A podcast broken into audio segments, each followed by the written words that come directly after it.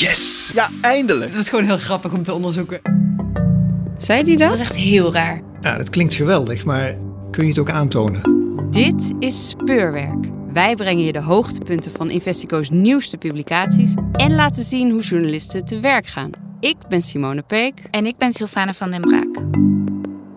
Deze aflevering gaat over een ooit veroordeeld witwasser, die eigenlijk de afgelopen twintig jaar aan het uitbreiden is met vastgoed in het centrum van Amsterdam. Wij kijken naar een casus waarbij allemaal rode vlaggen omhoog zouden moeten gaan bij allerlei instanties.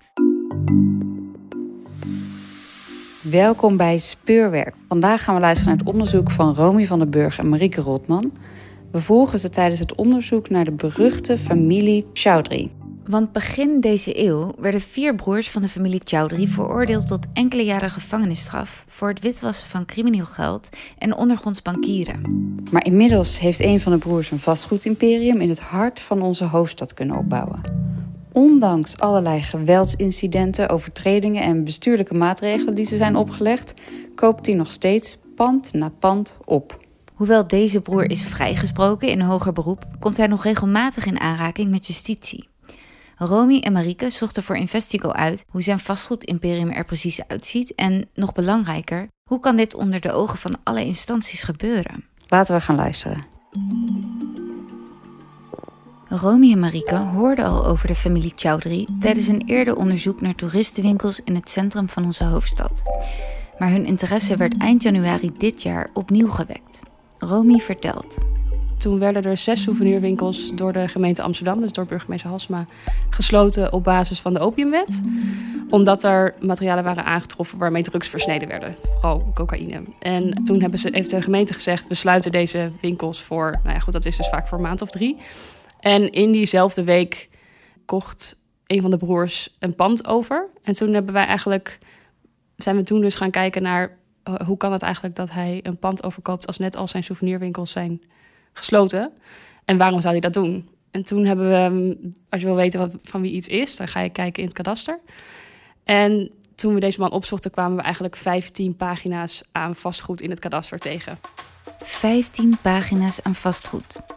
Het kopstuk van de familie, Jauden Chowdhury, ook wel Jimmy genoemd, heeft Romy en Marieke's aandacht. Ze besluiten verder in het kadaster te graven. Het is best lastig zoeken in het kadaster. Want je vindt eigenlijk niet eigendom, maar je vindt rechten op kadastrale afmetingen van bijvoorbeeld huizen. Daar zitten rechten op, eigendomsrechten en rechten van betrokkenen. En die kan je allemaal apart van elkaar opvragen. Maar je kan bijvoorbeeld ook de hypotheek opvragen, waar die is afgesloten, voor hoeveel en wanneer. Dus we zijn denk ik in het begin gaan kijken welke panden heeft hij de rechthebbende, is hij de rechthebbende eigenaar. En dan vervolgens naar de koopactes en naar de hypotheken. En dan gingen we eigenlijk van al die panden gingen we dat allemaal verzamelen. Dus we hebben echt van ieder pand een dik pak papier uit het kadaster getrokken. Erg duur. En daarmee konden we eigenlijk steeds meer zien hoe hij dingen overkoopt. En wat er bijvoorbeeld, hij doet best wel veel vreemde hypotheekconstructies maakt hoe dat allemaal in elkaar zat. Allereerst brengen de journalisten in kaart welke panden in het bezit zijn van meneer Chowdhury. Romy legt uit hoe dat er precies uitzag. Nou, het is dus eigenlijk een, een kaart van de stad. Alleen zie je dan alles in blokjes met nummers. En alles staat voor een stukje eigendom eigenlijk, met een, met een cijfertje. Dus je kan precies zien hoe groot alles is en wat waarop aansluit. En toen hebben we al die stukjes uitgeknipt. En dan precies zo over elkaar geschoven tot je die hele straat had. En toen konden we zo met markers gingen we inkleuren welke stukjes allemaal van hem waren. Zo kregen we ook echt een beeld van wat hij allemaal had. En vonden we ook dat je dus kon zien dat hij bijvoorbeeld aan Nieuwsheidsvoorburg wel een pand koopt. En dan een paar jaar later koopt hij het pand aan de Spuistraat aan de andere kant, waardoor hij een soort doorlooproute heeft. En dat deed hij eigenlijk overal. Dus iedere keer als je de kaarten zo naast elkaar ging leggen en de straten naast elkaar ging leggen, sloeg het opeens ergens op dat hij niet zomaar random panden koopt, maar hij pakt echt, hij maakt echt een soort doorgangen. Vervolgens hebben we eigenlijk alle panden waar incidenten zijn gebeurd, hebben we een stickertje gegeven met wat is daar gebeurd je, bijvoorbeeld die zes panden die dan, of nou, waren er vijf van die familie, die gesloten waren op basis van de opiumwet, die kregen een eigen kleurtje. We hebben, um, als bijvoorbeeld, er zijn een aantal schietincidenten geweest in die straat. Er is een illegaal bordeel opgerold. Of nou, opgerold, die kwamen ze toevallig tegen toen, ze een, toen de brandweer kwam kijken voor brandveiligheid. En toen bleken er opeens allemaal um, illegale bewoners te wonen. En vonden ze een aantal, nou eigenlijk een illegaal bordeel in zijn pand. heeft hij eigenlijk alleen een boete gekregen voor illegale verhuur. Maar het bordeel is, hij nooit, is nooit een zaak van, gekomen. Dus ja, dus al die incidenten zo naast elkaar. En dan zie je dat zo, die hele straat. En dan zo midden daarin zit zo'n politiebureau. Zit, daar zit gewoon zijn hele imperium zo omheen gebouwd. Hij heeft zelfs vorig jaar de doorlopende pand recht achter het politiebureau heeft hij opgekocht. Hij koopt zijn panden op A-locaties in het hart van de oude binnenstad. Sinds 2002 deed hij zeker 27 aankopen die op dit moment nog op zijn naam staan in de regio Amsterdam. Van kleine appartementen tot enorme herenhuizen. Elf van die aankopen waren van het afgelopen drie jaar. Maar het valt niet alleen op hoeveel en welke panden hij opkoopt. Ook de manier waarop het vastgoed wordt gekocht zorgt ervoor dat er alarmbellen gaan rinkelen. Ik denk dat we in de hypotheken twee vreemde dingen zagen. Dat was aan de ene kant is dat hij in 2018 voor... Dan nam bijvoorbeeld een heel aantal panden als onderpand. En dan voegt hij bij de Rabobank... heeft hij in totaal voor 20 miljoen aan nieuwe hypotheken gekregen op, die, op het bestaande vastgoed. Dat vonden we heel opvallend, omdat hallo, hypotheek, bij hypotheek krijgen we de Rabobank. De Rabobank kan ook googlen. Die weet heus wel dat deze man veroordeeld is voor witwassen. Dat er van, van alles omheen hangt waarvan je kan denken, hm, willen, we dit, willen we dit wel? Maar dat is dus niet gebeurd. Hij heeft die echt enorm veel hypotheek gekregen voor verschillende panden... en kon daardoor ook weer verder investeren. Um, dus dat was opvallend. En we vonden opvallend dat hij naast de hypotheken bij de banken... heeft hij een aantal soort, dat noemen ze dan witwas ABC-constructies. Een voorbeeld van zo'n ABC-constructie die Romy en Marieke tegenkomen gaat om een van de panden die begin dit jaar als enige winkel in het rijtje niet gesloten wordt vanwege een verbouwing. De broer van Shaudan Chowdhury sluit een hypotheek bij hem af om het pand te kopen. Zes maanden later koopt zijn 19-jarige zoon de helft van het pand over, zonder hypotheek. Zo'n constructie heeft meerdere rode vlaggen, volgens experts een snelle aflossing, verkoop binnen eigen netwerk en aan een jonge koper zonder hypotheek. Maar waarom valt dat dan niet op bij de politie? Marieke vertelt. We horen ook wel vaak van, goh, het is dan zowel van de politie als, als de gemeente van, oh, het is heel ingewikkeld om dit allemaal uh, uit te pluizen, want er hangt dan een hele, zoals we dat noemen, kerstboom aan BV's aan. En dat is ook wel zo, maar aan de andere kant denken wij, ja, maar dat hebben wij hebben dat in een uurtje wel in beeld gebracht. Wil je dat dan allemaal precies zijn en zo ingewikkeld? We hebben wel eens ingewikkeldere constructies gezien, maar het schijnt inderdaad zo te zijn dat bijvoorbeeld bij de politie je dus voor elke aanvraag uit de KVK die je wil doen, een formulier moet invullen. En dat moet dan weer naar een andere collega en die gaat dat dan opzoeken. En dan krijg je het weer terug. En dan heb je weer een vervolgaanvraag en dan moet je weer terug. En als het dan per ongeluk de verkeerde is, ja, dan ben je dus vier weken bezig zonder dat je eigenlijk iets hebt gevonden. Ja, dan schiet het natuurlijk niet zo op.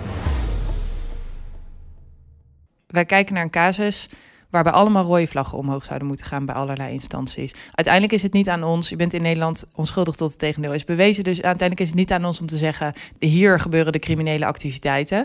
Maar als het zo is, of als er geld uiteindelijk uit een criminele herkomst is gekomen en deze persoon is daarmee gaan investeren, dan betekent dat dat vanuit de criminele wereld iemand eigenlijk de bovenwereld in is gekomen, een hele straat op heeft gekocht en daar vervolgens nu eigenlijk de dienst uitmaakt en alle, alle winkelprijzen kan bepalen. Eigenlijk heel oneerlijke concurrentie veroorzaakt voor de gemiddelde normale ondernemer die in deze straat zou willen gaan ondernemen. En volgens mij is dat heel ondermijnend, want dat betekent gewoon dat er geen, niet meer voor iedereen eerlijke kansen zijn. En dat is heel ondermijnend voor de woningmarkt, want daardoor worden en woningen aan de markt onttrokken. Dat is ook vaak waar mensen uit dit netwerk een boete voor krijgen. Plus, als je het lang genoeg laat doorlopen, dan, dan wordt die vermenging wordt ook steeds duidelijker. Zeg maar als je een speler in het veld te lang negeert, dan wordt hij vanzelf groter. Dat is wel hoe dit hele systeem werkt. Dus op een gegeven moment krijg je dan dat er ook steeds meer echt criminele incidenten zijn. Dus dat er iemand overdag op straat wordt neergeschoten of een steekincident of een overval. Die dingen krijgen vaak prioriteit bij de politie. En dat is ook heel goed, want dat is heel zichtbaar en direct heel bedreigend voor je inwoners. En dat is natuurlijk heel belangrijk. Maar het is wel zo dat er ook wat onder ligt. En als je dat niet aanpakt, dan blijft het een soort van de hele tijd ergens je hand op proberen te duwen en iets te onderdrukken, terwijl het dan gelijk ergens anders weer naar boven schiet. Maar hoe kan dat? De gemeente Amsterdam werkt toch al jarenlang aan het bestrijden van ondermijning? Eigenlijk sowieso wat alle instanties ongeveer zeggen is we kunnen niet meer doen. En dat ligt dan of aan gebrek aan capaciteit of aan gebrek aan bevoegdheden, of allebei. En heel veel dingen worden opgehangen aan een goede informatiepositie, zoals dat dan heet. En dat is eigenlijk jargon voor het kunnen delen van informatie met elkaar. Wat natuurlijk door privacywetgeving, die de afgelopen jaren ook heel erg verscherpt is, steeds moeilijker wordt. Maar zoals iemand in ons stuk ook terecht opmerkt, denk ik, je kan wel die informatie allemaal met elkaar kunnen delen, maar dan moet je er vervolgens ook wat mee kunnen. Want weten, nou ja, ten eerste wat je wel en niet mag delen en dan ook hoe je er iets mee kan gaan doen of hoe je die informatie moet interpreteren. Dat is best wel complex ook voor de gemiddelde ambtenaar. En daar krijg je ook niet per se een opleiding in. Dus daar, daar schort het ook wel aan. Maar het is ook volgens mij wel iets waar instanties zich af en toe een beetje achter verschuilen. Van ja, maar we kunnen niet meer doen, want we kunnen niet meer zien. Uh, dus daarom doen we ook maar niks meer. Maar dat betekent niet dat niemand iets doet, of vooral wil doen. Het gaat er uiteindelijk om wie krijgt er buikpijn van zo'n probleem. Want die gaat het ook aanpakken. En er zijn wel mensen, ook bij de politie, die hier buikpijn van hebben en er bovenop zitten en er graag wat mee willen. Maar je kunt dit niet met een paar politieagenten of als één wijkagent kun je dit niet aanpakken. Dus vervolgens moet het wel hogerop en daar loopt het volgens mij spaak, omdat daar gewoon een heel groot ja, capaciteitsgebrek misschien zit, toch op dit punt. En de prioriteit wordt gegeven aan high impact crime. Romy en Marieke spreken tijdens hun onderzoek een aantal bronnen die heel graag iets zouden willen betekenen in deze zaak. Waaronder een wijkagent bij de Amsterdamse politie, die elke dag opnieuw wordt geconfronteerd met de werkelijkheid. Het lijkt me voor hem heel frustrerend, want hij ziet het dus inderdaad gebeuren. En hij ziet hoe groot het is, maar ja, hij zei vorige keer ook: ik meld me helemaal suf. Maar er gebeurt gewoon niks mee. Dus hij heeft wel een heel lastige positie ook wat dat betreft. Want hij zou heel waardevol eigenlijk kunnen moeten zijn voor de politie. Dat zijn de mensen die, die dit echt zo'n groot probleem vinden, dat ze het ook belangrijk genoeg vinden dat er iets aan gedaan wordt. En wat wel opvallend is, is dat uiteindelijk de politie woordvoering erachter is gekomen. Natuurlijk, want we hebben hen ook benaderd over dit onderzoek. En op een gegeven moment kwamen zij erachter dat wij ook met andere mensen binnen de politie hadden gesproken. En toen zijn ze eigenlijk heel boos op ons geworden van... Ja, luister eens, ehm, dit willen we niet. Dus trek de quotes terug of we doen nooit meer zaken met jullie. Wat wij wel bijzonder vonden, want een beetje een raar dreigement om tegen een journalist te zeggen: we doen nooit meer zaken met jullie. Want in principe zou ik zeggen dat het in ieders belang is dat er goede berichtgeving is in de journalistiek. Het is geen zaken doen. Het gaat over je vraagt informatie en je hoopt dat je daar een antwoord op krijgt. Maar dat is wel iets wat we heel erg hebben gemerkt in dit onderzoek. Wij stellen een hele hoop vragen, maar we krijgen over het algemeen weinig informatie en heel veel woordvoering en tactiek. En we vonden het ook wel heel erg opvallend in dit geval bij de politie dus ook dat er zoveel energie wordt gestopt, ook tussen de instanties. En ergens denken wij dan natuurlijk wel, ja, zet die energie in op de opsporing extern in plaats van intern wat er allemaal gebeurt. Waar Marieke en Romy te maken krijgen met woordvoerders die niet willen praten en bij verschillende instanties tegen een muur aanlopen, proberen ze ook een afspraak met Chauden Chowdhury te maken om hun bevindingen aan hemzelf voor te kunnen leggen. Toen hebben we opgezocht wat het telefoonnummer was. Dat stond gewoon wel aangegeven. En dat hebben we opgebeld. En toen nam Menno Mensink op. Zeiden wij willen graag met de heer Chowdhury afspreken, want we hebben een onderzoek naar hem gedaan en we willen hem graag al onze bevindingen voorleggen. En dat hij er ook de mogelijkheid heeft om daarop te reageren. En uh, ja, dat, dat wilde hij. Meneer Chowdhury stelt voor af te spreken op zijn kantoor. Maar Romy en Marieke besluiten in het restaurant van een hotel recht tegenover zijn kantoor af te spreken. Daar lopen ze, ondanks de uitkomst van het onderzoek, zelfverzekerd naar binnen. We gingen daar denk ik naar binnen met het vertrouwen dat wij dit onderzoek uit openbare bron hebben gedaan. En daar hebben we ons erg aan vastgehouden van ja, dit is dat iedereen kan vinden in de Kamer van Koophandel, in het kadaster op rechtspraak.nl. Dus iedereen had deze vraag kunnen stellen. Maar ja, tuurlijk, ik bedoel, als, jij, als je leest dat een familie veroordeeld is voor allerlei vormen van ondergronds bankieren, voor witwassen, voor verschillende incidenten die door de jaren heen hebben plaatsgevonden, dan komt altijd even in je op van hoe zit het dan met mijn eigen veiligheid? Hoewel Marieke en Romy zich beroepen op openbare bronnen en dat veel houvast geeft, maakt het interview toch indruk. Ik heb die hele nacht ook gedroomd hierover. Dat die laatste zin die hij tegen mij zei, hij zat tegenover mij en hij heeft hele, hele dikke wenkbrauwen en best wel indringende ogen. En hij keek me zo aan en hij hield zijn hoofd schuin en hij zei zo: Vertrouw je me al? Of denk je dat ik een crimineel ben? Het is toch heel gek, want je bent maandenlang onderzoek aan het doen en je leest de, hun veroordelingen en je leest de cassatiezaken en je verdiept je heel erg in iemands netwerk. En hij vertelt zelf ook best wel heftige verhalen, zoals dat hij bijvoorbeeld neergeschoten is. Maar als je met iemand praat en je kijkt iemand aan, dan komt er toch een soort menselijk aspect bij, waardoor je altijd even denkt bij jezelf: ja, wat nou als hij gewoon gelijk heeft. En hij, weet je, en iedereen werkt hem tegen. En het is allemaal, hij vindt allemaal zijn best om een goede zakenman te zijn. En daarna lees je je stuk terug en dan ga je terug naar je onderzoek. En denk je, nee, ik weet heus wel dat wat ik heb opgeschreven klopt. Maar die twijfel is er altijd even. En dat is denk ik ook echt het verschil met als je als misdaadjournalist schrijft vanuit tips die je krijgt bijvoorbeeld bij de politie of in een bepaald netwerk en je ontmoet die mensen nooit, is dat je die frictie ook niet voelt. Wat is eigenlijk de reden dat Romy en Marieke wel besluiten met meneer Chowdhury om de tafel te gaan zitten? Ik vind het juist heel sterk aan het verhaal dat hij best wel veel ruimte heeft om hier zijn verhaal te doen. Hoewel dat niet altijd even overtuigend is, vind ik dat toch heel veel toevoegen aan, uh, aan, aan het verhaal. Dan kan je alle kanten belichten. Zeker als je zo'n groot onderzoek doet en je doet ook zelf aantijgingen, dan wil je ook wederhoor halen.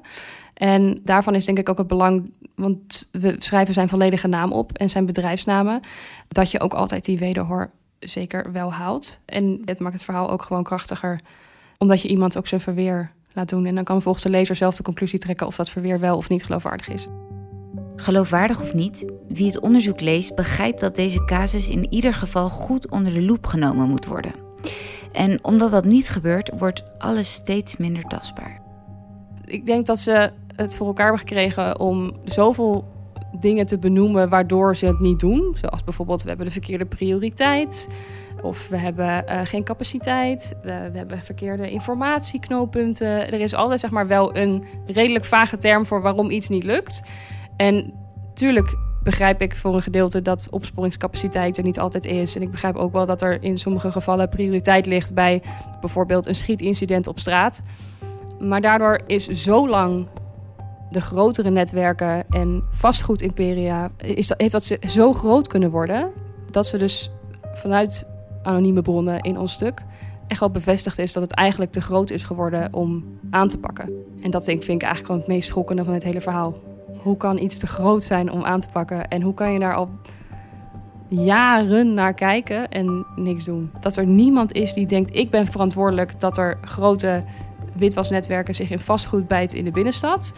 En die denken, ja, daar gaan we met z'n allen nu iets aan doen. En het is allemaal, ja, dan moet die ook willen. Ja, maar die heeft eigenlijk capaciteit. En dan gaan we maar kijken naar een ander netwerk, want ja, dat is wat kleiner en hebben we wat meer ruimte voor. En dat geen verantwoordelijkheid kunnen nemen, dat je die nergens bij iemand kan aankloppen en zeggen, jongens, waarom gebeurt hier de hele tijd niks. Jullie kennen deze familie. We hebben van verschillende instanties gehoord dat hij op de radar is. En als jij bijvoorbeeld al 30 jaar in de binnenstad bezig bent met een imperium opbouwen, op een gegeven moment dan is zeg maar de, de herkomst van jouw geld wordt steeds vager. En je bouwt steeds meer wit vermogen op. En niet alleen maar omdat je meer vastgoed aanschaft, maar ook omdat je bijvoorbeeld weer een lening krijgt van bijvoorbeeld Rabobank in dit geval, waarmee je nog verder kan uitbreiden en dat witte vermogen ook steeds groter wordt. En daardoor ook steeds moeilijker om aan te pakken. Want ja, jij hebt een, lening van 16,5 miljoen bij de Rabobank staan. Dus tuurlijk kan je daarmee verder investeren. En zal de volgende investeerder denken: oh, hij had een lening van de Rabobank, dan zal het wel kloppen. Tot je op een gegeven moment eigenlijk dat hele spoor van waar geld ooit vandaan is gekomen, eigenlijk helemaal niet meer kan onderzoeken. Dit was Speurwerk. Je hoorde Romy van den Burg en Marieke Rotman over hun onderzoek naar de familie Chowdhury. Zij brachten het vastgoedimperium van de familie in kaart en stuitte op ruim 30 panden in een netwerk dubieuze souvenirwinkels, illegaal verhuurde kamers aan arbeidsmigranten en prostituees.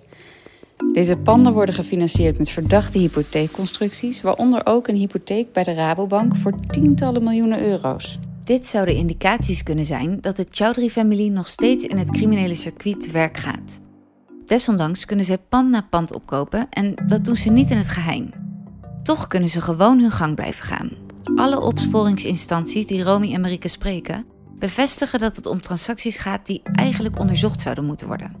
Ook de gemeente Amsterdam beperkt zich tot bestuurlijke acties en de Amsterdamse recherche is goed op de hoogte van de situatie, maar doet daar niks mee. De zaak is na 20 jaar toekijken boven het hoofd van de politie uitgegroeid. Het hele verhaal lees je in de Groene Amsterdammer. Als je meer wil weten over hoe de journalisten te werk zijn gegaan, lees dan de geannoteerde versie en het stuk op de website van Investico. We bedanken Pepijn Buitenhuis voor de muziek en de eindmix. De volgende uitzending van Speurwerk verschijnt in augustus.